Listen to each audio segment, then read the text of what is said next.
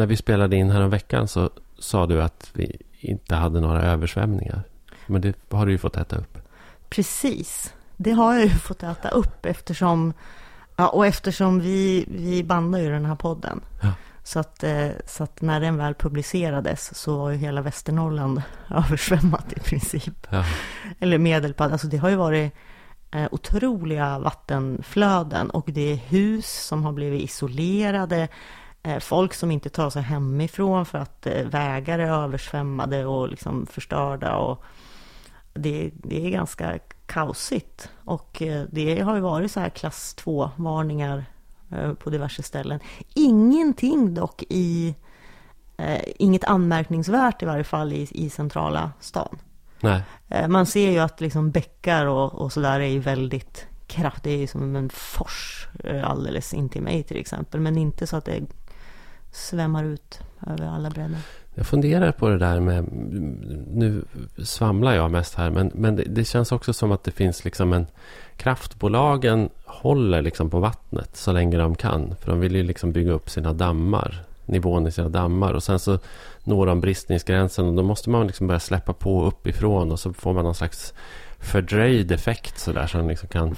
Fast så vitt, alltså nu är inte jag heller helt jätteinsatt i det här, men så vitt jag har förstått så är det ju så att med de här vattenmängderna som är nu, så är ju magasinen så att säga fulla från början, alltså så att man släpper ju på ganska mycket hela tiden. Men man kanske borde ha gjort det tidigare tänker jag. Man, man borde liksom i princip ha tömt dem innan våren för att liksom kunna hålla det på någon ja, jämnare det nivå. där eller? har jag ingen koll på faktiskt. Nej.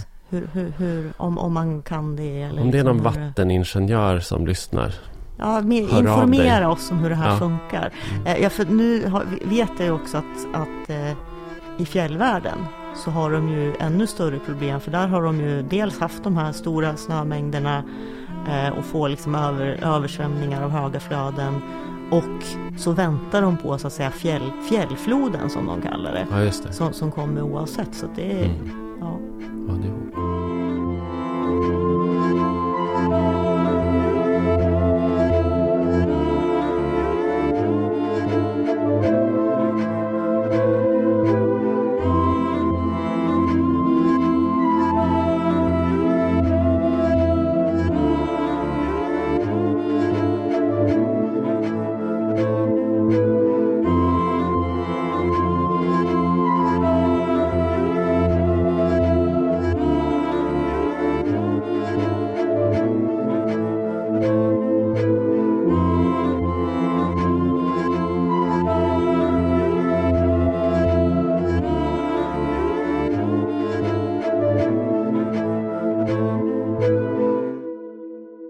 Vi fortsätter att ha gäster i den här podden. Det tycker jag är jätteroligt. Det är fantastiskt kul. Ja. Idag har vi en alldeles särskild gäst. Vi Ja. säger välkommen till civilminister Ardalan Shekarabi. Tack. Jättekul att du vill vara med oss. Ja, Roligt att få vara här. välkommen. Tackar. Vi har ju pratat en hel del när det begav sig om, om de här storlänen och hela den reformen. Regionreformen. Ja, som inte blev något. Och vi har ju varit ändå ganska försiktigt positiva. Jag har ju varit mer än försiktigt positiv, alltså oförsiktigt positiv. Kanske till och med. Eh, ja, den har vi pratat ganska mycket om. Och det var ju ett projekt som du drog igång ganska omgående eh, när du blev minister. Och det var ganska bråttom. Eh, de, här regionbildningarna skulle, några av dem skulle vara klara i år. Mm. Eh, men det blev inte så mycket av det. Och då tänker jag så här, hur hade det varit idag om det hade blivit så? Då hade vi varit mitt inne i en process som både handlade om att skapa de här regionerna och decentralisera makt från staten till, till den regionala nivån. Framförallt så jobbade vi med idén om, om hur regionerna kunde ta över en del av ansvaret som rörde arbetsmarknad och utbildningspolitiken. Och jag tror att det är nödvändigt att, att skapa en bättre regional förankring för arbetsmarknadspolitiken utifrån det arbetskraftsbehov som finns regionalt. Och då anpassa yrkesutbildningar och andra utbildningar till det behovet. Och eh, skapa en bättre samverkan mellan det lokala näringslivet, den offentliga sektorn, lokalt och regionalt. Det uppfattar jag som en av de stora bristerna faktiskt i vårt samhälle. Att Vi har inte tillräckligt bra samordning vad gäller arbetsmarknadspolitiken och då innebär det ju att vi har massor med människor som går arbetslösa och samtidigt har vi svårt att rekrytera arbetskraft. Mm. Varför förstod inte folk det här då tror du? Ja, Eller folk och folk, nu, nu fastnar ju det här i riksdagen. Ja. Uh, och Fast den det, frågan, det var ju också ett väldigt starkt liksom, folkligt motstånd på sina håll. Med namnunderskrifter och protester. Och... Inte minst i Norrland. Ja. ja, för att alla förändringar av den typen som handlar om strukturomvandlingar eh, möter ju skepsis till en början. Mm. Eh, men jag är övertygad om att hade det här hänt och vi hade fått en Norrlandsregion en eh, sammanslagning av, av, av de norrländska länen med undantag för Gävleborg då. Så hade Norrland fått en starkare ställning. Och jag är övertygad om att medborgarna, om att medborgarna i Norrland hade vunnit på detta.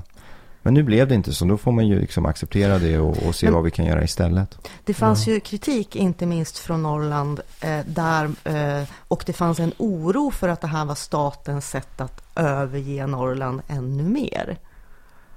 Uh, vad tänker du om det? Ja, det är väldigt, Flytt, långt, väldigt långt ifrån den dagordning som, som jag hade i alla fall och regeringen hade. Och, och, och jag vet ju själv vad jag tycker. och uh, för min del och för regeringens del handlade det ju om att skapa en bättre likvärdighet i vårt land. För det som händer i Sverige idag och som vi inte pratar tillräckligt mycket om. Det är att vi har redan tre regioner som har bildats.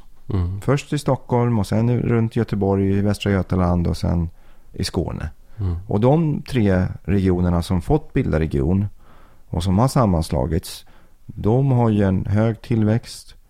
En, en hög eh, befolkningstillväxt.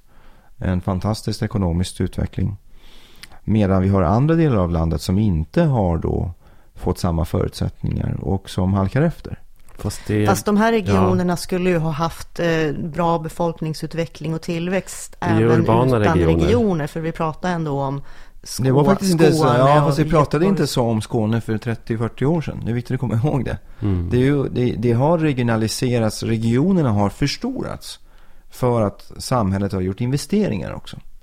Sen finns det ju naturligtvis olika typer av förutsättningar. Men, men eh, jag är övertygad om att regionaliseringen, inte minst runt um, Göteborg och, och i Skåneområdet har skapat förutsättningar för, för, för ekonomisk tillväxt. Eh, och det hänger ihop med att man har fått bättre kollektivtrafik, bättre infrastruktur, bättre samverkan mellan offentliga och privata mm. aktörer. Mm.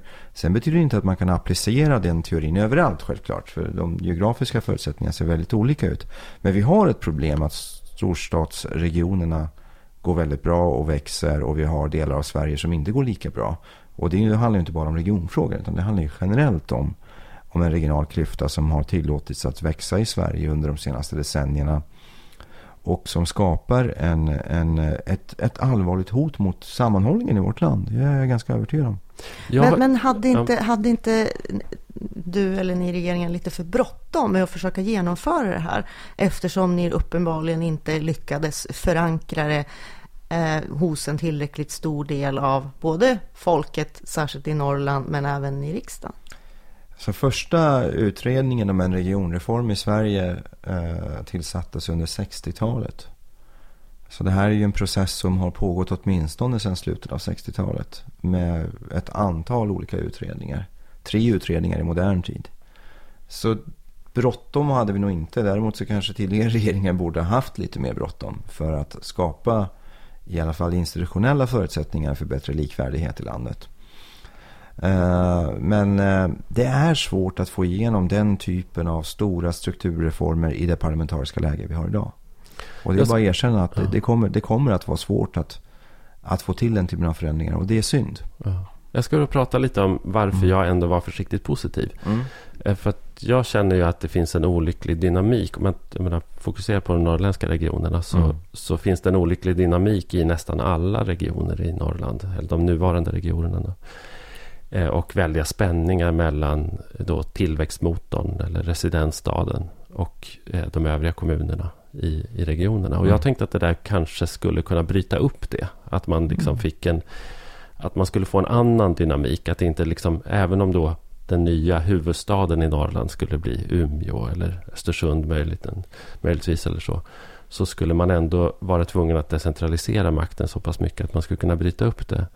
Ser du den här dynamiken som jag pratar om? Liksom, jag menar, det är ju ändå Luleå och resten av Norrbotten, Umeå och resten av Västerbotten, Sundsvall och resten av Västernorrland och Gävle och resten av Gävleborg och sen så har vi liksom Östersund och Jämtland som väl kanske funkar på ett demokratiskt plan upplever jag det som att de funkar lite bättre. Det är lite tajtare, lite mer decentraliserat i Jämtland kanske. Men jag vet inte, jag tror du att den här reformen hade kunnat lösa upp de knutarna på något sätt? Eller? Ja, det hade kunnat i alla fall skapa demokratiska institutionella förutsättningar. Sen hade ju inte löst den här frågan. För det är ju så att den, den stora effekten av, av urbaniseringen ser vi inom länen. Ja. Inte minst här i Gävleborgs län är det ju verkligen så att vi ser effekterna eh, inom regionalt. Och, och det är klart att det krävs väldigt aktiva åtgärder från, från, eh, från politikens sida för att skapa en bättre balans. Men det är ju bra att börja med hur bra har, institutionella förutsättningar. Hur har den här obalansen uppstått då, inom regionerna, tänker du? Det har att göra med, med eh, den ekonomiska utvecklingen eh, överhuvudtaget, strukturomvandlingen inom ekonomi som får effekter på arbetsmarknaden. Tittar man i Gävleborgs län så, så består Gävleborg av ett stort antal orter som, som, som var otroligt viktiga för Sveriges industrialisering. Mm. Och där man stod för en, en, en, en stor del av Sveriges industriproduktion. Och det är klart att det skapade en sysselsättning vilket gjorde att, att många orter i Gävleborg växte under, ja från slutet av 1800-talet och framåt kan man säga. Och sen kom ju strukturomvandlingen inom ekonomin då som, som började på allvar någonstans runt 60-70-talen och sen har det ju tagit fart. Uh, och det har ju inneburit att antalet sysselsatta inom industrin har ju minskat. Och det får ju effekten då att, att det finns inte helt enkelt tillräckligt många jobb Uh, runt om i länet. Utan, utan antalet jobb har, har minskat i många delar av, av Gävleborgs län. Och då är det Gävle då som, som, som har egentligen då haft bäst förutsättningar att, att, eh, att växa sysselsättningsmässigt inom andra områden än, än ren industriproduktion. Mm. Alltså ja. tjänstesektor kan man säga. Mm. Och det är klart att där jobben finns, där dit flyttar människorna. Om vi ägnar oss åt någon slags kontrafaktisk dröm, mm. verklighetsbeskrivning.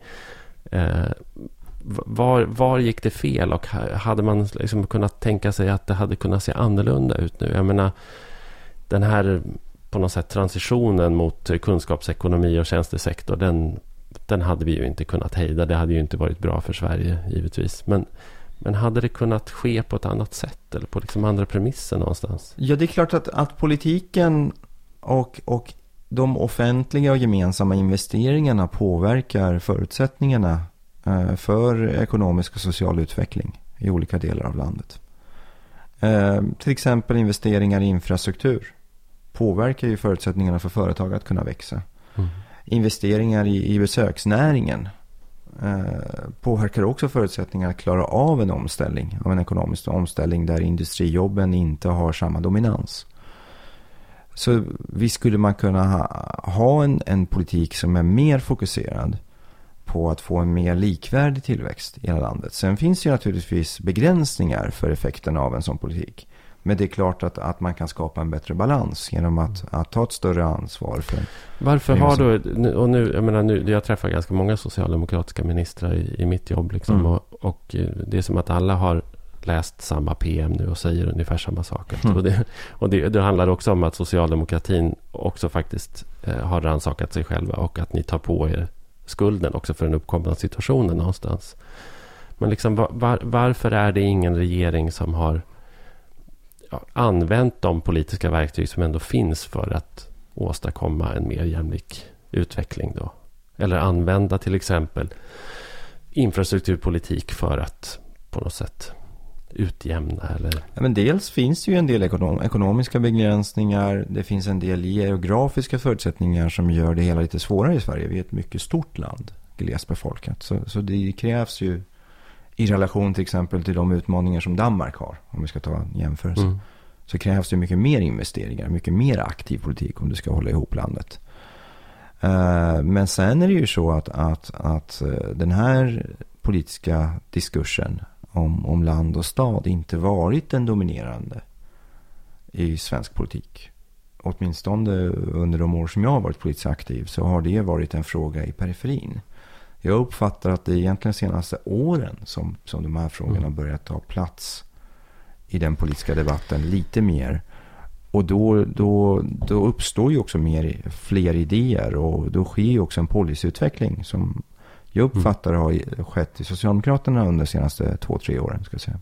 Det, ja, men det har ju pratats väldigt mycket mer eh, på senare år om den här klyftan mellan mm. stad och land.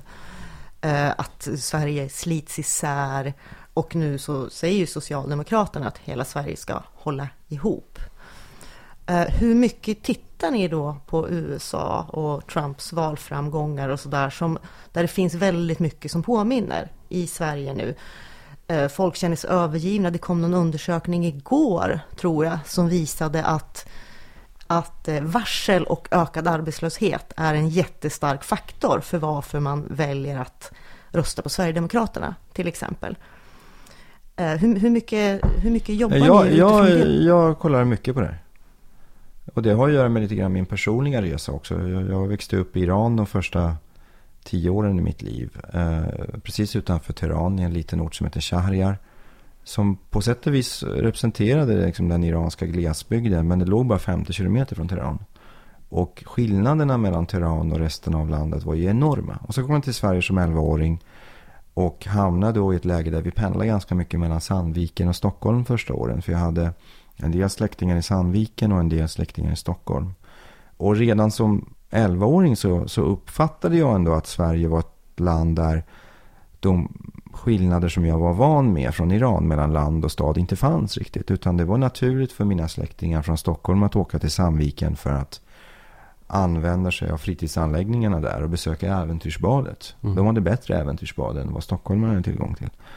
Och det var ju bara ett exempel. Generellt sett så kände man ändå att, att det var inte några stora skillnader i levnadsstandarden eller utbudet av, av, av tjänster, välfärdstjänster eller fritidsutbudet. Så att det är klart att för min del så, så, så har min politiska resa handlat väldigt mycket om att, att, att se värdet av den här likvärdigheten. Se värdet av, av, av likvärdigheten för sammanhållningen i det svenska samhället. Och då är det ju oroande om vi tittar på utvecklingen i, i, i hela västvärlden. Att vi ser att, att bristande likvärdighet och allt för stora ekonomiska, sociala och kulturella klyftor mellan olika regioner skapar en allvarlig legitimitetskris i demokratin. Vi måste, vi måste dra lärdomar av, av det som händer i USA, det som har hänt i Storbritannien, det som händer i många andra delar av, av västvärlden. Och se vad vi kan göra. För vi har trots våra geografiska svårigheter så har vi ändå bland de bästa förutsättningarna i världen. För vi har en stark ekonomi. Vår mm. industri har klarat av strukturomvandlingen mycket bättre än den amerikanska industrin har mm. äh, gjort. Så i grund och botten har vi de ekonomiska förutsättningarna för att välja en annan väg som fokuserar mycket mer på sammanhållning. Men då krävs det ju att, att det politiska blir mycket mer medveten om både riskerna med den här polariseringen och ökade klyftorna men också leverera svar på vad vi kan göra för att, för att helt enkelt skapa en bättre balans. Jag, jag tänker att i den mån det liksom finns en, en liksom politisk diskussion om, om landsbygd och stad och land och sådär. Och det finns politiska skiljelinjer så känns det ju väldigt mycket som att det liksom är Vänsterpartiet, Socialdemokraterna å ena sidan och kanske Centerpartiet på andra sidan. De andra partierna är relativt ointresserade. Och att skiljelinjen då går mellan på något sätt företagarpolitik och omfördelningspolitik. Upplever du det som en korrekt beskrivning? Att det liksom är incitamentspolitik från Centerpartiets sida. De, de vill inte ha det de kallar för allmosor eller bidrag. Eller, det är inte så vi ska lyfta landsbygden utan det är genom regelförenklingar ofta. Eller slopat strandskydd. Fast jag ser ju liksom ingen, ingen, eh, inget motsatsförhållande mellan investeringar och, och företagande. Menar, en förutsättning för företagande är ju att infrastrukturen finns där. Mm. Du har bredband. Men varför pratar att, inte de så mycket om det då? Ja, för att det, det är ju den politiska vänstern med ja, Socialdemokraterna som främsta representanten för den som, som tror på offentliga starka investeringar. Det är ju liksom en del av vår politiska filosofi. Att, mm en förutsättning för marknadsekonomins utveckling är att det offentliga finns där och investerar och skapar förutsättningar i form av infrastruktur, tillgång till utbildad arbetskraft, socialt skyddsnät, välfärd. Mm. Och vi ser inte det som en motsats till, till fri Det låter som en ganska lam konflikt. Och det, och det tycker jag också så här, ofta när jag hör liksom just socialdemokrater och centerpartister som möts i debatt och sådana saker och ska prata om landsbygdsfrågor. Så, så händer det inte särskilt mycket. Det är, det är en ganska vag konfliktyta på något sätt. Att det, jag, jag har ju alltså från min, min, mitt perspektiv så har min reflektion under de här tre åren varit att Centerpartiet är inte jätteengagerade i de här frågorna. Basen är ju det. Jag träffar ju många centerpartistiska kommunalråd och, och, och förtroendevalda som är jätteengagerade i de här frågorna. Men Centerpartiet i riksdagen uppfattar jag från mitt perspektiv, och det här är ingen politisk propaganda, det är, det är en ärlig reflektion, en urban, ett urbant parti som, som fokuserar mer på urbana värderingar, på liksom, eh, ja, urbana frågeställningar. Så det är, det är ett enormt avstånd mellan det centerpartistiska kommunfolket och det centerpartistiska, den centerpartistiska riksdagsgruppen. Mm. Och så. Har Socialdemokraterna ingen urban elit som pratar livsstilspolitik? Jo, men det, i vårt parti går det snarare åt andra hållet. Det urbana har dominerat eh, under, under inte minst 90-talet. Men nu går det utveckling åt andra hållet. Mm. Att, att det, det, är, det är faktiskt fler och fler sossar som, som, som engagerar sig i glesbygdsfrågor. Och det, har att göra med, det här har att göra med ekonomiska förändringen i vårt samhälle. Det är ju ingen konstighet, utan det är ju att Socialdemokraterna är ju mycket barn av industrialismen. Och industrin finns ju fortfarande i glesare delen av befolkningen, eller av, av landet. Mm. Och det, det påverkar då liksom balansen inom Socialdemokraterna. Ska jag såg det, det var bara, i Stockholm är det bara 7% som jobbar i industrin. Så. Ja, och jäm, jäm, det fanns ju en, en, en period då Socialdemokraterna eh, pratade om att vi måste bort från industrin. Mm. Nu måste vi fokusera på det urbana. Mm. Eh, som sagt under 00-talet, delar av 90-talet. Mm. Eh, nu är det ju inte riktigt de tongångarna som har hörts Socialdemokraterna de senaste åren. Utan snarare tvärtom. Back to basics, nyindustrialisering, ja. sammanhållningspolitik. Det är ju lite annan, annan trend politiskt. Ja. Men det är ju inte det ni går till val på. Vi går ju till val på trygghet och vi, vi, vi är ju vi är ju ibland och kritiserade för att vi fokuserar för mycket på trygghet. Eh, men, men i den här omvandlingens tid så, så, så, tror jag att det är otroligt viktigt att fokusera på trygghet. Men trygghet skapas ju genom, en, genom ett samhällskontrakt där sammanhållning och likvärdighet i det landet är viktiga förutsättningar. Mm. Men, men vad lägger du in då i ordet trygghet? Ja, det är ju allt ifrån trygghet från brott till trygghet på arbetsmarknaden, till trygghet när man blir sjuk. Så det är, ju ett brett begrepp. Det är, det är ju inget nytt socialdemokratiskt begrepp. Den trygghetsaspekten har ju funnits med i våra valrörelser sedan, ja åtminstone sedan, sedan, sedan 30-talet. Så ser man ju eh, flera valrörelser där, där det har varit fokus på just trygghet i förändringen. Mm. Varför ska en gravid kvinna i Sollefteå rösta på Socialdemokraterna? Ja, dels för att välfärden är viktig och, och, och för vår del så handlar det ju om att fortsätta investera i välfärden. Då kan man säga att ni vill lägga ner en viss del av verksamheten i Sollefteå. Det är nedlagt. Men, eh, men eh, det är nedlagt. Men, men, men eh, en grundläggande förutsättning för en välfärd för de som bor i Sollefteå det är ju att vi har en gemensam och solidarisk finansiering av välfärden. Och, och där är ju ett, ett, ett, det är ju ett ideologiskt vägval. Det, det, där finns det ju på riktigt ideologiska skillnader mellan de politiska partierna, mellan vänster och höger. Sen finns det ju andra konflikter som kommit in i den politiska debatten om invandring, värderingar och så. Men, men just i Sollefteå så har ju de facto Socialdemokraterna eh, lagt ner akutsjukvård och, och BB. Eh, och det syns ju också i så att säga väljaropinionen mm. eh, i just Sollefteå, eller ja, Ådalen. Eh, hur, hur tänker du kring det? Finns det något sätt att, att övertyga Sollefteåborna om att det ändå är bra att rösta på sossarna? Ja, för att det, vad skulle bli bättre i Sollefteå av att man, man minskar resurserna till sjukvården inom Västernorrlands län? Alltså den som har slagits för eh, BB eh, på Sollefteå sjukhus har ju slagits för sjukvården som är trygg. Och, och ingenting i sjukvården blir ju bättre av att vi sänker skatterna och minskar resurserna till välfärden.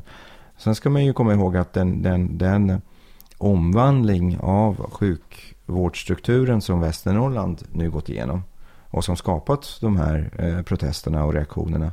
Det är en omvandling som, som har skett i hela eh, landet egentligen. Jag menar inte så långt härifrån så, så, så hade vi ju striden om Bollnäs sjukhus för några år sedan i Gävleborgs landsting. Och det väckte ju också enorma protester. Och, och eh, det skapade ju också en del svårigheter för Socialdemokraterna. Men man kommer tillbaka. Men, men nu befinner vi oss ju ändå i en tid där det så att säga finns de här stora slitningarna. Mm. Det finns ju också en rädsla hos, hos människor. Jag läste en intressant rapport av Carl Melin som visar att att robotiseringen och automatiseringen ligger bakom väldigt mycket av populismen mm. och att folk gärna köper populistiska idéer mm. när de blir rädda för en utveckling som de överhuvudtaget inte kan, kan överblicka. Mm. Och det här är ju liksom ett, ett, ett enormt skeende som, som, som känns väldigt svårt då att eh, Eh, att använda liksom landstingets politiska verktyg för att komma över. Så då backar jag tillbaka då till det här med regionfrågan. Skulle Västernorrlands läns landsting och sjukvård ha mått bättre av en stor region? Ja, det, det är jag väldigt övertygad om. Det var en av grundorsakerna till varför vi överhuvudtaget satte igång den här reformen. För vi menar ju att den struktur som vi har för sjukvården idag, som utgår ifrån landstingen, som, som, som är egentligen en indelning som, som har sina rötter i 1600-talets behov. Um, den strukturen motsvarar inte de, de, de, de, de, de behov som vi har idag. Men, men, det, men det gör ju fortfarande att de här personerna som bor i Junsele som nu har rätt långt till, till närmsta sjukhus till exempel. Mm. De känner sig ju fortfarande övergivna. De känner sig ju, de känner sig ju inte som en del av det här landet. De känner sig ju, och eh, det är ju inte heller Sollefteå som får de här utlokaliserade myndigheterna. Jo, de fick faktiskt Sollefteå. Eh, fick de, de det? Ja, Vad får de? Ja, de, de, får en del av Statens servicecenter som, som, som etablerar sig där. Och det är inte för att vi är snälla mot Sollefteå, utan där finns det bra förutsättningar för att bedriva den här delen av administra ja, statliga administrationen ifrån. Och vi har väldigt fina erfarenheter från, från mindre orter utanför residensstäderna som driver statlig verksamhet, inte minst vad gäller inom det som rör kundkontakt, alltså medborgarkontakt för Arbetsförmedlingens del, för polisens del med, med de här nya centra som, som de har byggt upp. Och nu eh, satsar vi då på att, att förstärka den statliga administrationen och delar av den verksamheten kommer drivas från Sollefteå. Men eh, Sen är det ju inte så att, att det här kommer att kunna förändra liksom balansen mellan, mellan olika regioner eller delar av landet. Men det är viktigt att svenska staten tar sitt ansvar. Och vi står för ungefär 5% av arbetsmarknaden. Men den statliga verksamheten har ett väldigt stort symboliskt värde och står för många akademiska jobb. Och får vi då en bättre spridning av de statliga arbetstillfällena, vilket har varit vår politik under de här åren, eh, under den här mandatperioden, då får vi också bättre förutsättningar att, att, att upprätthålla egentligen tilliten till svenska staten. Upprätthålla legitimiteten för svenska staten i hela landet. Jag tänker på den här, nu pågår ju ändå en typ av regionreform. de återstående landstingen ska bli regioner ja. och ta över delar av länsstyrelsernas... Ja, regionala utvecklingsansvaret. Regionala utvecklingsansvaret, tillväxtpolitik och sånt. Vad, vad, vad vinner man på det? Liksom, man får ju eh, naturligtvis en starkare demokratisk regional eh, förankring för, för tillväxtpolitiken. För, för eh, egentligen då regionernas arbete med en, en hållbar tillväxt kan man prata om. Ändå är folk arga på detta också. Är de det? Ja, jo, det jag, jag, jag, ja, särskilt, ja. särskilt i Jämtland. Då, ja. Där är man arga på jag skulle säga allt. även i Västernorrland ja. där man tycker att landstinget klarar inte ens, en, ens av att sköta sjukvården. Så hur ska de klara av att sköta det här? Hur ska vi lägga ja. på dem ännu mer nu? Eh, när, ja, när alltså de inte klarar det här grundläggande sjukvårdsuppdraget. Jag kan förstå att man kan tänka sig att resurserna går ju över. Så ju ofta är det ju en verksamhetsövergång. Så mm. istället för att sitta på länsstyrelsen så sitter man på regionen och, och jobbar med detta. Mm. Från tjänstemännens sida. Ja. Och så jag tror att, eh, jag tror att många som lyssnar inte riktigt vet vilka ansvarsområden du har. som Ja. civilminister. Det är ju så, alltså, det är också lite märkligt med, med civilminister. Alltså Sverige har, ibland har Sverige en civilminister, men under långa perioder så har Sverige också inte haft ci- Nej, civilminister. förra mandatperioden så hade man visserligen en som kallas för civilminister, men han hade inte samma ansvarsområde. Nej. Ska man, ska man kunna översätta det till byråkratiminister? Ja, på engelska är det ju Minister of Public Administration. Och, Ja. och eh, vi hade lika gärna kunnat kallats kommun och förvaltningsminister. ja. Det, var, det var en av de, en av de frågor Det- som vi diskuterade i början av mandatperioden, vad titeln skulle vara. Snyggare med civilminister kanske. Ja, eller det har alltid hetat Ja. så ju. eh, Och så. Sen, Men jag tänker, sen man, pra- 50-talet. om man pratar om rättssamhället så är ju Mm. civilrätt eh, reglerar ju liksom mellanmänskliga förhållanden. Men, Ja. men det här är ju inte... Nej, Nej, bakgrunden till är ju- titeln civilminister är ju att, att, att, ja, det var ju snarare i relation till det militära. Ja, ja. att civilministern okej. hade hand om frågor som inte rörde försvaret egentligen. Mm. Eh, Men sen eh, försvann den posten och så kom den tillbaka eh, på 50-talet. Och det var ju för att den dåvarande socialdemokratiskt ledda regeringen ville ju genomföra massor med reformer som rörde välfärden, offentliga sektorns utbyggnad och utveckling. Och civilministern blev då ansvarig för de frågor som rör offentliga sektorn. Så mitt ansvarsområde rör ju kommunerna och landstingen, Mm. både lagstiftningen och ekonomin, alltså den delen som rör staten. Mm.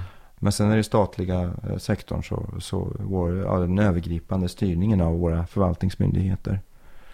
Statliga arbetsgivarpolitiken, utnämningspolitiken. Sen är det ju nya områden som tillkommit genom åren med, på grund av förändringar av den offentliga sektorn. Så jag är ansvarig för upphandlingspolitiken. Och det fanns ju tidigare inte en upphandlingspolitik. Men nu har vi en, en, en, en, styrning av, av ja, offentliga upphandlingar. Både med lagstiftning och myndighetsstyrning. Och sen jobbar jag med vinstfrågan som handlar om egentligen då regelverket för privata utförare i den offentliga sektorn. Det är många tunga ämnen. Ja, det är Hur ju- länge, man kan du, hur länge man- kan du stanna? Ja, jag hoppas jag får stanna länge. Man, man ska nog inte hålla på med det här om, om, om man inte vill ta tag i svåra frågor. För det är, menar, det, här finns ju konflikterna Verkligen. i svensk politik också. Eh, I synen på hur offentliga sektorn ska organiseras. Hur den offentliga sektorn ska styras. För många av de här förändringarna som, som vi delvis har berört indirekt handlar ju om att Sverige är ett av de länder i västvärlden som har gått längst i att anpassa offentliga sektorn till marknaden.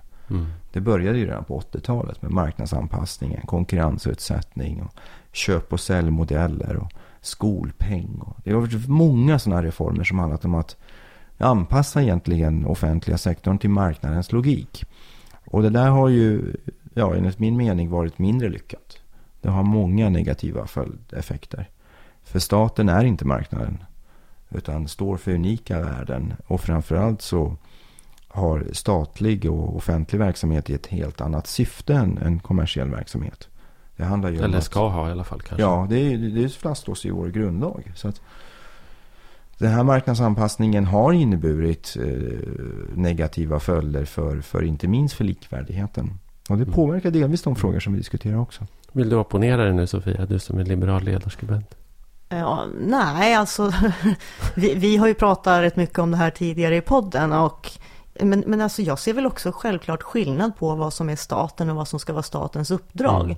Och, eh, och så, nej jag, jag känner inte att jag vill opponera just nu och här. Sen, Nej. sen är jag ju mer för att fler saker ska finnas på en fri marknad, men inte, Nej. inte alla statliga ansvarsområden. Jag tänker också att det här är ju verkligen en fråga som är intressant just i stad och landperspektiv. För att jag menar när, då, jag menar när tjänster eller välfärdstjänster blir marknadsutsatta eller blir varor och tjänster på en marknad istället. Då blir man ju också beroende av hur marknaden fungerar Mm. På ett annat sätt än när det drivs i offentlig regi. Mm. Eh, och där tänker jag att när man tittar då på de här reformerna och hur de har slagit så kan man ju se att de har ju kanske då på ett till, ur ett tillväxtperspektiv eller arbetsmarknadsperspektiv varit framgångsrika i förtätade urbana miljöer. Men varit eh, extremt icke framgångsrika på, i glesa delar av landet. Och det här har nog spett på den här ojämlikheten skulle jag säga mellan stad och land ganska rejält. Håller du med om den bilden? Ja. Jag skulle Vad kan man göra åt det? lätt skriva under detta. Nej, jag, tyck, jag anser ju att vi, vi måste gå tillbaka till, till, till en ordning där vi erkänner att staten är staten och marknaden är marknaden. Varför är det så svårt att prata om det här? Det här är ju svårt för socialdemokrater också att prata om. Jag menar, ni har ju investerat ganska mycket i den här i det här sättet att sköta välfärden på också. Och genomfört många ja, av de här reformerna själva. Nu har vi haft en, en, en, en period av, av självkritik faktiskt. Och men, ser man Socialdemokraternas politik på det här området så, så är det mycket mer fokus nu på att staten ska återta kontrollen. Och det är ju också vad medborgarna förväntar sig. Alltså det som är statligt ska och offentligt. När vi säger statligt så menar jag inte mm. svenska staten i relation till kommunerna utan hela det offentliga. Eh, det ska ju vara eh, en verksamhet som, som utgår ifrån grundlagens krav om lika behandling, om saklighet, om, om objektivitet, om att staten har samma skyldigheter gentemot medborgarna oavsett var i landet man bor. Och marknaden har ju inte det. Marknaden har inte en sån skyldighet utan, utan bygger ju på, på eh, det privata ägandet och, och, och ägarens makt över verksamheten. Och det är det som skiljer marknaden från staten. Men staten har ju sedan 80-talet eh, försökt att spela marknad. Och det är ju så politiken har liksom försökt forma Uh, inte minst skolmarknaden nu som diskuteras. Vi pratar ju till och med om en skolmarknad. Uh, smaka mm. på det begreppet bara. Det är klart att, att det uppstår en hel del problem. Eftersom offentlig verksamhet som ska fördelas efter behov ska det in i ett system där, där marknadens principer ska vara vägledande. Och då funkar det inte. Och då får vi de problem som vi har fått eh, med kommersialisering i svensk skola till exempel. Och det påverkar glesbygd negativt. Det är jag också ganska övertygad om. Mm. Jag skulle vilja prata lite om kommunerna. För det är också ditt, ditt eh, ansvarsområde. Och eh, de glömmer man ofta bort tycker jag i den offentliga debatten. Särskilt i den nationella debatten så tycker jag man pratar väldigt lite om kommunerna. Och ett sånt här konkret exempel tycker jag är ju att när socialdemokratin gick fram på att ni skulle, ni gick fram med ett förslag att ni, man skulle höja skatten på eh, vad var det, marginalskatten skulle höjas för höginkomsttagare. Eller för de som betalar statlig skatt varje gränsen går någonstans 46 000. Man ska höja egentligen den ja, gränsen. Man skulle höja den gränsen. Det skulle slå med 200 kronor i månaden. Det, var, det blev ju krigsrubriker i de stora tidningarna. Samtidigt har vi en situation i Sverige där vi har så mycket som 6 kronor i, i skillnad i kommunalskatt mm. mellan olika delar av landet. Och där de som betalar 6 kronor mer än vad man gör i Danderyd faktiskt får sämre service för de mm. pengarna. Eh, och det här diskuteras ju extremt lite. Ja, i princip inte alls. Nej. Ja, ja, då har jag egentligen två frågor. Varför diskuteras det inte och vad, vad kan man göra ja, åt det Varför det inte diskuteras det är ju för att, för att den politiska debatten i Sverige uh, utgår inte från de frågeställningar som gäller skillnader mellan land och stad. Det är ju inte de frågorna som, som dominerar. Och det har att göra delvis med den mediala logiken och hur, hur, hur, hur politisk debatt styrs. Jag menar, vi har ju få debattforum i Sverige. Och, och makten över, över de plattformarna finns i storstan. Mm. Det märker jag eh, när vi har jobbat med politiken för omlokalisering av myndigheter. Är att då har jag märkt tydligt att intresset, det mediala intresset i Stockholm för den typen av åtgärder är i princip icke befintligt. Det finns liksom inte. Och det har att göra med att, att, att man utgår ifrån den verklighet som man mm. ser runt, Va, runt omkring sig själv. Vad tänker du själv om den här enorma skillnaden i, i kommunalskatt? Jag tycker det, det, det, skapar enorma eh, hot mot legitimiteten för den gemensamma solidariska finansieringen. Det är inte rimligt att de kommuner som har störst problem, störst utmaningar på sikt med en åldrande och krympande befolkning och, och, och eh, stora behov inom välfärden har, har högst kommunalskatt. Och de kommuner som har bäst förutsättningar, de har eh, lägst kommunalskatt. Och då har vi ett utjämningssystem som, som, som behöver uppdateras. Och där har vi en, en process som pågår. Den här regeringen tillsatte ju en utredning om kostnadsutjämningen som, som ska presenteras här inom kort. Som leds av Håkan Sörman, tidigare vd på Sveriges kommuner och landsting. Mm. Men eh, det är inte säkert att det kommer att vara tillräckligt för att skapa den här eh, likvärdigheten och, och balansen mellan olika delar av landet. Och då är det ändå flera av de här då eh, fattiga kommunerna med en åldrande befolkning som har jättehög kommunalskatt. Mm. Några av dem som faktiskt levererar eh, mest Mm. till Mm, svensk ekonomi. Mm. Hur, hur tänker du om det? Nej, det måste det här måste, vi måste ha en, en, ett, vi måste ha en utjämning mellan landets kommuner. Det är ju liksom min utgångspunkt. Och det, är- även där finns det ju skillnader. Det finns ju de som inte tror på detta. Men jag tror att vi behöver någon utjämning. Den utjämningen måste vara progressiv och måste vara rättvis. Och då har vi ett utjämningssystem som ska åtgärda detta. Eh, vi ser brister i det. Men, men när man pratar utjämning, då blir det också så lätt att se då de här norrländska inlandskommunerna som tärande. För de måste få bidrag. Vi, de, de, vi som är rika kommuner Mm. som Danderyd, vi måste ge våra pengar fast till det den här om det. fattiga. handlar ju verkligen Nej, men det är så- ju- alltså det är ju så- systemet döljer, det nuvarande systemet Mm. döljer ju de enorma liksom, produktivitetsvinster som genereras i de här fattiga delarna av landet så att säga. De syns ju inte eftersom det inte finns någon möjlighet för lokalsamhället att tjäna på de här verksamheterna längre. Så det är ju, alltså jag tycker det är djupt problematiskt. Och, och då kommer ju de här förslagen upp som, jag menar, som jag skulle säga, jag vet inte, det har ju inte gjorts någon opinionsundersökning, men skulle man fråga norrlänningarna till exempel så skulle nog en, en överväldigande majoritet vara för ett annat skattesystem med en lokal beskattning till exempel på råvaror, vattenkraft och sådana Mm. saker.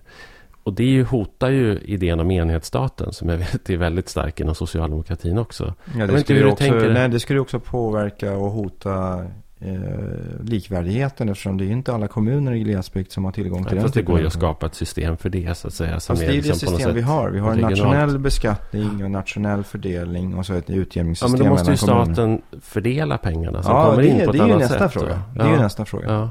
Och det är ju därför, för Men min nu- del har det varit viktigt att prioritera utjämningen mellan kommunerna och se till att vi uppdaterar eh, eh, utjämningssystemet så att det täcker de behov som de här kommunerna har. Där vi beaktar de, de enorma kostnader som, som, som en åldrande och, och, och krympande befolkning innebär för, för kommunerna. Mm. Och det, de här kommunerna är ju på ett sluttande plan. Vi, vi, menar, vi har ju vad är det, 20-25 kommuner i Sverige som kanske inom en 10-15 år egentligen skulle behöva höja, behöva höja sin kommunalskatt då från kanske 35 till 50 kronor. Och det kan vi inte liksom- göra. Det, det, det är ju inte ett alternativ. Så parallellt med det här utredningsarbetet har ju regeringen gjort någonting som ändå påverkat de här kommunerna positivt. Och det är ju att vi har kraftigt ökat resurserna till kommunsektorn generellt med välfärdsmiljarderna.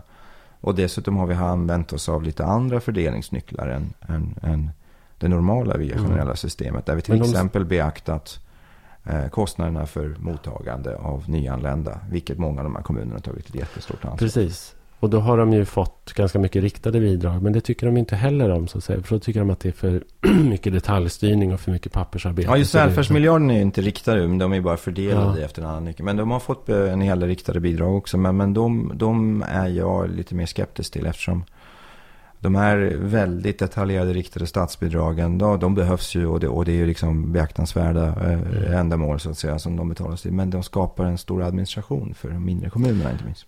Ja, Så och den, den, den andelen av, av eh, liksom de omfördelade medlen har ju ökat jättemycket de senaste Ja, och åren. där har vi en process där vi just nu jobbar med att förenkla och slå ihop och se till att det blir Mm. lättare helt enkelt för kommunerna. Kommunerna Mm. själva kan välja vad de faktiskt behöver prioritera. Ja, och det är lite högre- poängen med kommunala självstyret. Sen vill vi ha riktade statsbidrag för att, för att helt enkelt förstärka eftersatta områden som, som skolan. Till exempel. Mm. Där, där, där behöver vi helt enkelt också ha- en del riktade medel som bara används till skolverksamhet. Men då måste ju de riktade statsbidragen konstrueras så att den administrativa bördan för kommunerna är så, så liten som möjligt. Ja, jag tänker också på i det här begreppet civil. Ja. Eh, och civil men där finns det också en, en diskussion som jag tycker är ganska intressant. Som handlar om liksom, förväntningarna på civilsamhället. Som jag tycker på något sätt. Där, där kan jag känna som landsbygdsbo att jag nästan hålls som gisslan av någon slags. Eh, eh, jag vet inte borgerlig tanketrojka som vill att landsbygden ska, ska vara liksom det här överlevande, gulliga civilsamhället där vi på något sätt som bygger på tillit och gemenskap och där vi gör tjänster åt varandra. Eh, och vi inte behöver staten på något sätt. Det är någon slags liberal fantasi. Det där provocerar alltid mig. Jag är ju mycket mer inne på liksom statsindividualismen. Jag, vill- jag, vill ju, jag vill ju bara få liksom slippa alla andra människor och, och liksom ha välfärd även på landsbygden av Mm. det skälet. Vad tänker du om, de om den diskussionen då? Nej, det finns ju, det finns ju en, en, en marknadsliberal tro på att du kan krympa offentliga sektorns åtaganden genom att det civila, det icke-offentliga tar över ansvaret för offentliga tjänster, verksamheter. Men det är ju inte en socialdemokratisk ingång i detta. Vi tror ju på ett starkt samhälle och, och med det menar vi en, också en, en, stor offentlig sektor som finansieras gemensamt. Mm. Däremot är jag positiv till att ge det civila samhället bättre förutsättningar. För en, som en konsekvens av den här marknadsanpassningen av offentliga sektorn så har vi också fått en utveckling där den, eh, det civila samhället har tvingats anpassa sig till det offentliga eller kommersiellas logik. Eh, och bara för att registrera vad jag menar. Mitt under den här flyktingkrisen 2015. Det kommer liksom människor hit och vi har allvarliga utmaningar. Eh, vad gäller till exempel eh, ja, tillhandahållandet av bostäder för de nyanlända. Som ska få då, flyktingförläggning eller, eller tak över huvudet. Då, då kliver Svenska kyrkan fram och säger att vi är beredda att hjälpa mm. till. Vi har ju ett antal liksom, eh, kursgårdar som kan användas. Bland annat Uppsala stift, Växjö stift. De, de, de gör till och med investeringar och anpassar de här lokalerna. Och de vill, de vill egentligen mot en eh, lägre kostnad eh, erbjuda de här bostäderna. Då visar sig att, att Migrationsverket inte kunde ta emot den här hjälpen. Utan de ville tvinga Svenska kyrkan in i ett upphandlingssystem. Där de ska konkurrera med Bert Karlsson om kontrakt. Mm. Och det är något helt annat än vad Svenska kyrkan vill göra. De vill ju hjälpa till utifrån ett ideellt perspektiv. Mm. Men vi erkänner inte att vi har en tredje sektor. Vi har det offentliga, vi har det kommersiella, men vi har också en tredje sektor som har en helt annan logik. Helt annat syfte, helt andra förutsättningar.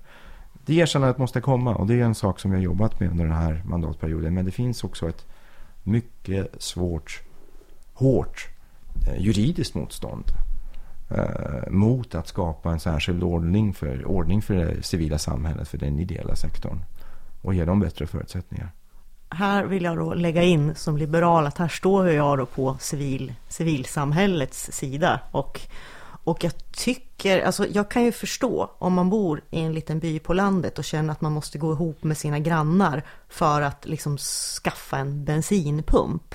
Att det känns som ett problem.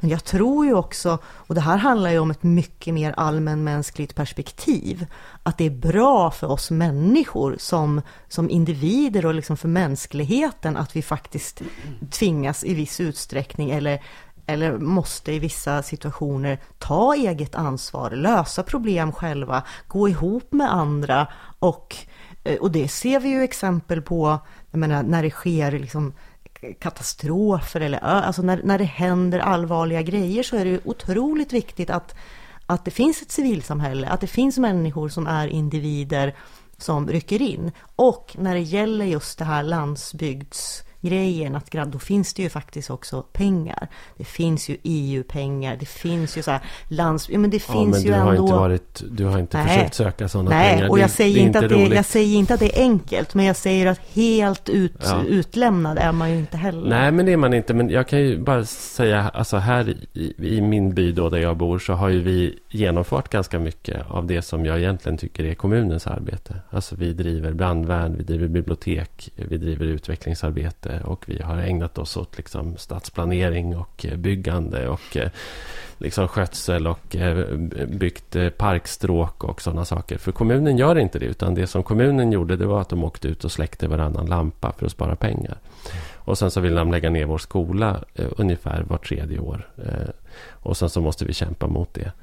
Eh, och sen är det så här så blir det fullt på dagis och då säger de så här, men ni som är så duktiga, ni kan väl starta ett eget dagis i sådana fall, tycker de då. För då vill de gärna slippa. Och, och det, det, är den här liksom gråzonen man hamnar i som jag tycker är knepig. Så, så ja men visst, vi kan göra de här sakerna, men då ska väl vi få skattepengar för att genomföra det. Det kan ju inte vara så att skattepengarna ska stanna i, i stan och sen så ska vi på landet gräva vårt eget bredband och liksom driva diverse verksamheter som är viktiga för människor i lokalsamhället utan ersättning och på så sätt liksom avlasta den här krisdrabbade kommunen. Jag vet inte, för mig är det liksom väldigt knepigt. Ja, egentligen för min del är principen ganska enkel här. Och det är ju att det offentliga har samma åtaganden gentemot medborgarna oavsett var i landet de bor. Så Mm. det, det ansvaret, det åtagandet kan aldrig övervältras på någon annan. Sen kan det genomföras av någon annan. Och det kan ju vara allt ifrån att man överlåter en del av verksamheten till, till kommersiella bolag i en upphandling. Mm. Men det skulle också innebära, kunna innebära att man, att man har ett partnerskap med, med civila samhället, med ideella sektorn. Men det då finns liksom inga former för det. vi, vi håller på att utveckla det, men, men det är ju en, en, av, en av de eh, mer problematiska frågorna eh, rent juridiskt i Sverige. Vi är ju mer katolska än påven när det gäller EU-rätten. Mm. Så våra jurister ser massor med hinder som EU-jurister i andra EU-länder inte ser. Nej. Och, och det har att göra med den här marknadsanpassningen. Mm. Totala liksom, tro Inte minst på när det gäller upphandling. Och upphandling och, och liksom anpassning till, till Mm. den kommersiella logiken och så. Mm. Men vi jobbar för att ge, ge våra aktörer inom den ideella sektorn bättre Mm. förutsättningar i form av idéburet partnerskap som, som erkänns som en form för, för samverkan. Och då handlar det om gemensam finansiering. Då handlar det om något annat än, än att man övervältrar ett ansvar. För då får vi problem om det är så att medborgarna i, i Gävle får ett antal tjänster eh, erbjudna Mm. från det offentliga. Men, men medborgarna i, i glesare områden i Gävleborg behöver själva finansiera de tjänsterna. Då, då får vi allvarliga problem. Eh, Mm, Jag skulle nog säga att det är så på rätt Ja. många håll faktiskt. Jag tänker på, eh, nu är det ju valår då. Det Mm. märker man ju på, på rätt många sätt. Eh, vi, I den här podden här märker jag att vi, und, vi undviker vissa frågor som är aktiva, eller liksom intressanta det debatterar ju bra i. Ja, jag, jag vill gärna slippa diskutera migration och integration och sånt känner jag. Eh, men däremot så landsbygdsfrågan och så som vi sa i början också. De, den, den kommer ju inte fram. Liksom, när, jag menar när nu opinionsundersökningar visar vilka frågor som är viktiga. När media rankar Mm. vilka frågor som är viktiga. När de politiska partierna säger vilka frågor som är viktiga. Så är landsbygdsfrågan inte liksom med på topp 15, topp 20 ens. Mm. Däremot så finns det ju ett landsbygdsperspektiv på alla de här frågorna som är stora. Vården, skolan, migrationen, integrationen, eh, lag och rätt och ordning och, Mm. och reda och eh, hårdare straff och allt vad det är. Kanske Mm. inte just hårdare straff. Men, men annars så, så tycker jag liksom är...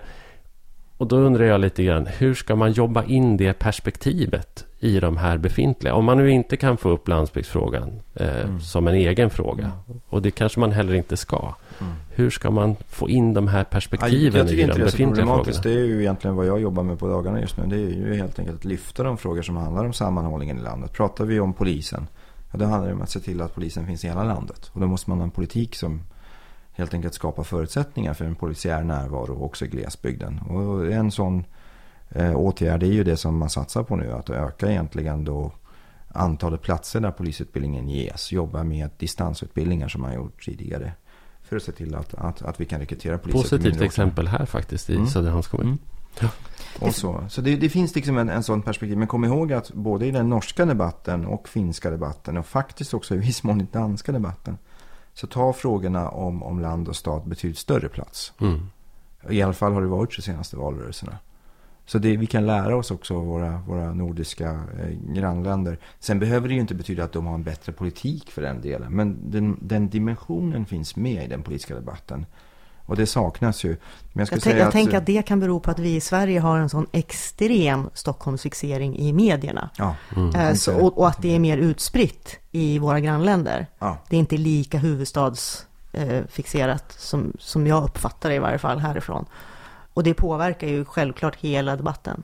Det är verkligen så. Och, och, och det är värt att säga det. Det, det, är, ju, det är ju lika, lika bra att vara ärlig. Att våra eh, nationella redaktioner, de stora, eh, de, de är inte intresserade av den här dimensionen. Det är så. Nej. Eh, sen har det nog gjorts några försök. Dagens Nyheter har gjort faktiskt flera försök nu. Mm. Att titta på eh, De har ju också tagit in medarbetare från, från Norrland. Det har, Ja, det har inte det- gett så mycket tycker jag. Men däremot så Men de har åkte- gjort en de del eh, granskande eh, Mm. journalistik som rör Mm. egentligen de här Ja. frågorna som rör Mm. olika förutsättningar för olika kommuner. Det tycker Mm. jag är bra, det, det vill jag välkomna. Men jag tycker att framförallt Sveriges Television har, har, har en del kvar. Vad gäller den på det? Det har de. Och Sveriges Radio också faktiskt. Ja. Även om de har bättre närvaro än många Mm. andra. Det tycker jag. Absolut. Ja du. Det är inte lätt detta. Jag tänker att ehm, du nämnde Norge nyss själv. Är det många som vill prata om Norge med dig? När du är Ja, ute? sen är det ju eh, ibland en... en, en Du en, suckade eh, lite. Ja, för det är ju ibland en sån Mm. här romantisk bild av hur det är i Ja, Norge det är ju landsbygdsvurmarnas ja. Schlaraffenland. Ja. Ja. Och, och det är ju inte överförbart, det de ägnar sig Nej. åt mycket. Nej, men det är klart att det finns saker som är intressanta i Norge. Ja. Och så. Hur, hur de har jobbat med sjukvården, regionalisering egentligen av, Mm. av sjukvårdsdriften Mm. tittade vi mycket på Mm. i samband med eh, regionaliseringen. Mm. Men Ja. skyddstullar är ingenting som... Nej, det, nej. Däremot så är en sak som jag engagerar mig jättemycket i som, som rör i och för sig glesbygd indirekt. Det är ju att se till att, att vi har samma krav eh, på produktion som vi har i lagstiftningen eh, vad gäller livsmedelsinköp. Och det är, ju, det är ju en sak där vi är dåliga jämfört med Mm. andra länder. Så där har vi jobbat jättemycket med att egentligen förändra lagstiftningen och beteendet. Mm. Se till att ställer du hårda krav på svenska bönder, vilket du gör från lagstiftarens sida, då är det väl också rimligt att de kraven ställs när man ska köpa mat till våra äldreboenden och skolor. Och det har ju liksom en indirekt effekt på, på, på livsmedelsproduktionen Ja, och, och glesbygdsutvecklingen också. För är det någonting som har blivit uppenbart och som jag tycker är en tragisk utveckling. Det är ju också att eh, kontakten mellan våra tillväxtnoder i Sverige. Jag menar Stockholm, Malmö och Göteborg är ju liksom en liga för sig. Men, men även om vi tittar på, liksom ur ett norrländskt perspektiv på Sundsvall eller Luleå eller Umeå eller så. Så finns det liksom en slags förlorad kontakt mellan tillväxtmotorn och omlandet. Att bara för att mm, Umeå växer så är det inte säkert att omlandet gynnas av det på samma Mm. sätt som, som skedde tidigare när staden behövde insatsvaror och eh, råvaror och mat. Och liksom, eh, den, kopplingen är ju på något sätt bruten Mm. i och med matimport och eh, i och med kunskapsekonomins framväxt i städerna och sådär. Hur, hur läker man den eller hur, hur Ja, återupprättar det är man den kontakten? Det, och det är det som har hänt lite grann som jag pratade om tidigare i Västra Götaland och, och Skåne. Det är att regionaliseringen har inneburit att arbetsmarknadsregionerna har blivit större. För att man har investerat helt enkelt i bättre Mm. kollektivtrafik, bättre infrastruktur. Mm. Och det är ju en resa som, som eh, stora delar av Norrlandslänen har framför sig. Att, att förstora arbetsmarknadsregionerna. Mm. Och det hänger ihop med infrastrukturinvesteringar. Det tar för lång tid att, att, att pendla med tåg från, från eh, ja, Sundsvall till Härnösand om vi tar ett exempel. Mm. Och det gör ju att arbetsmarknadsregionen krymper. Och, och, och eller Fast inte just krymper. Sundsvall och Härnösand är ju faktiskt en, två städer med, med rimligt pendelavstånd. Ja, men tåg, tågen hänger inte med där. Så Sundsvall-Gävle då? Säger du att vi ska Ja. få dubbelspår? Ja, jag är ju inte svårflörtad men det, det, det måste göras en del flört. Eller en del i, vad heter det, prioriteringar i den, det plan som, som, som presenteras snart. Men, men jag, det är klart att jag har ett hjärta Mm. som, som, som slår lite extra hårt för, för Gävleborgs län. Ja, du Alltså, har det. Och ja. inklu- du, du har gått skola där, du har bott där, Ja. helt enkelt, i Gävle och så. Ja. Eh, inkluderar det Norrland? Känner du att Gävle är en del av Norrland? Eller är du en sån Gävlebo som bara drar mot Stockholm? Jag, jag tror de flesta Gävlebor eh, ser sig själva som, som, som, och som en del av Norrland. Men sen är ju frågan om, om lite nordligare norrlänningar ser oss som, som norrlänningar. Och det, det, Nej. det gör de ju inte.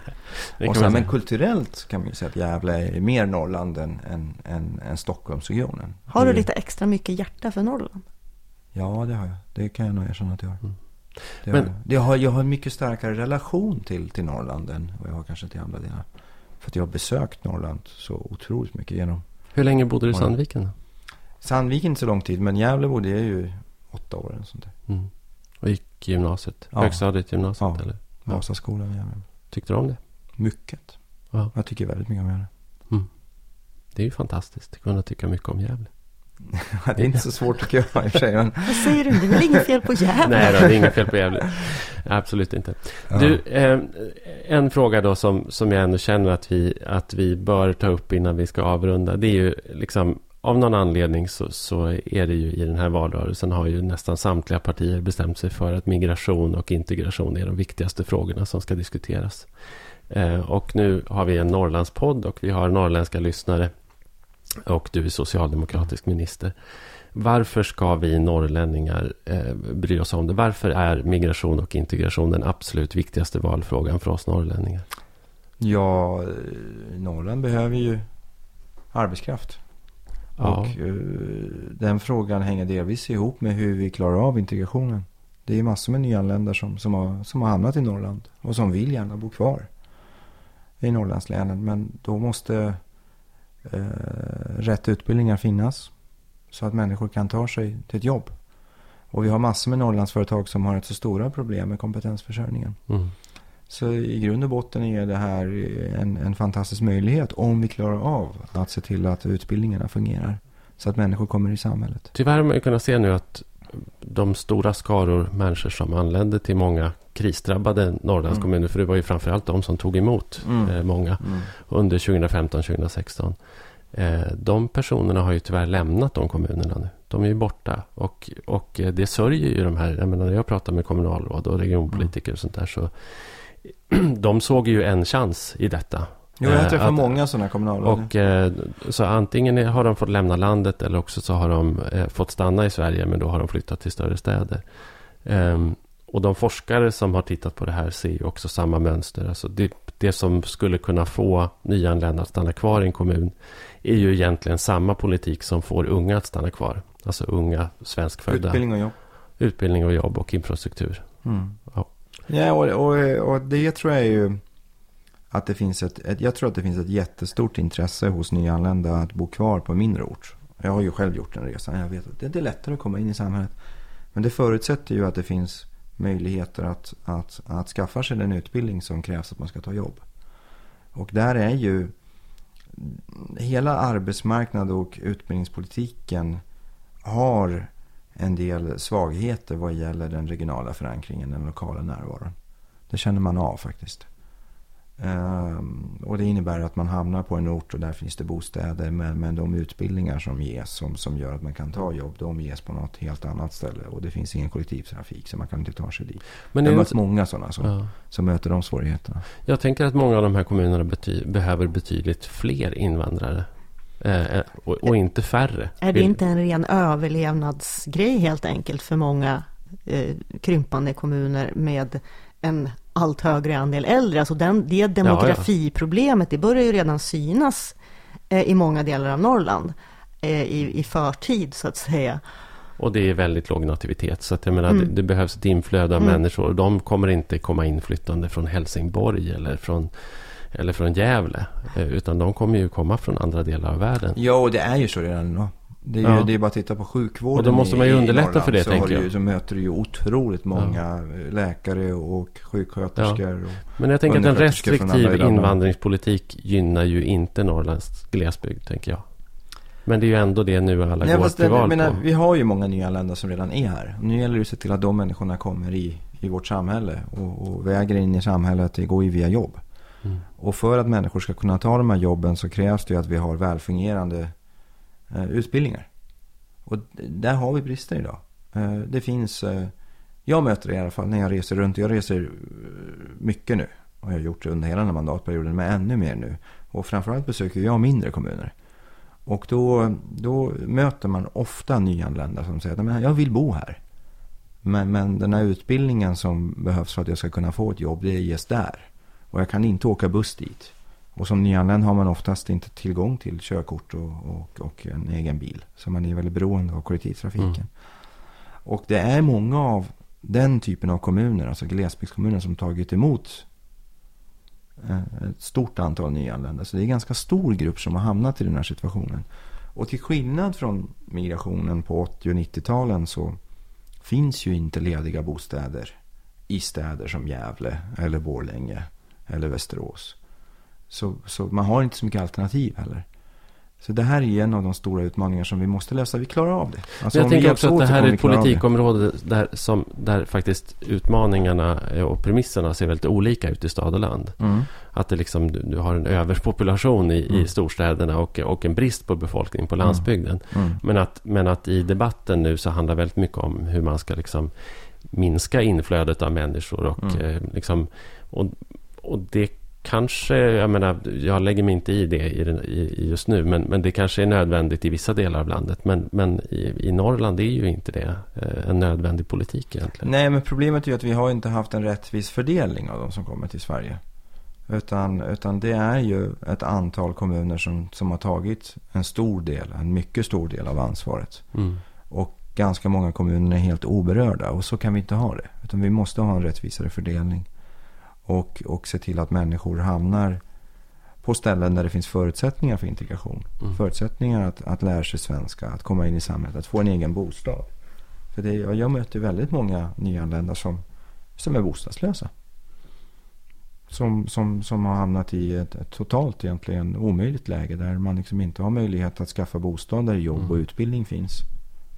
Och det är klart att det är ingen bra situation. Det måste vi lösa. Det är en av de största utmaningarna vi har framför oss. Det är ju också en bostadspolitisk fråga som vi kanske inte behöver gå in i detalj Nej, på nu gud, för den tiden är- börjar rinna Mm, ut. ja. Men jag bara vill känna att jag ville säga det. Ja, är det någonting du vill tillägga? Eller? Nej, jag tycker det har varit väldigt spännande Mm. att, att få vara med här. Ja. Det är tyvärr inte allt för ofta som man får svara på de här frågorna. Nej, Så jag tycker det är jättebra att, att, att ni skapar en plattform för en diskussion på det här temat. För det behövs. Och det här är frågor som berör hela Sverige och som, som engagerar väldigt många människor. Det Ja. borde också vi tror ju det också. våra public service-kanaler inse. Tack så mycket för att Tack du kom själv. hit och var med. Ja, tack. Tackar.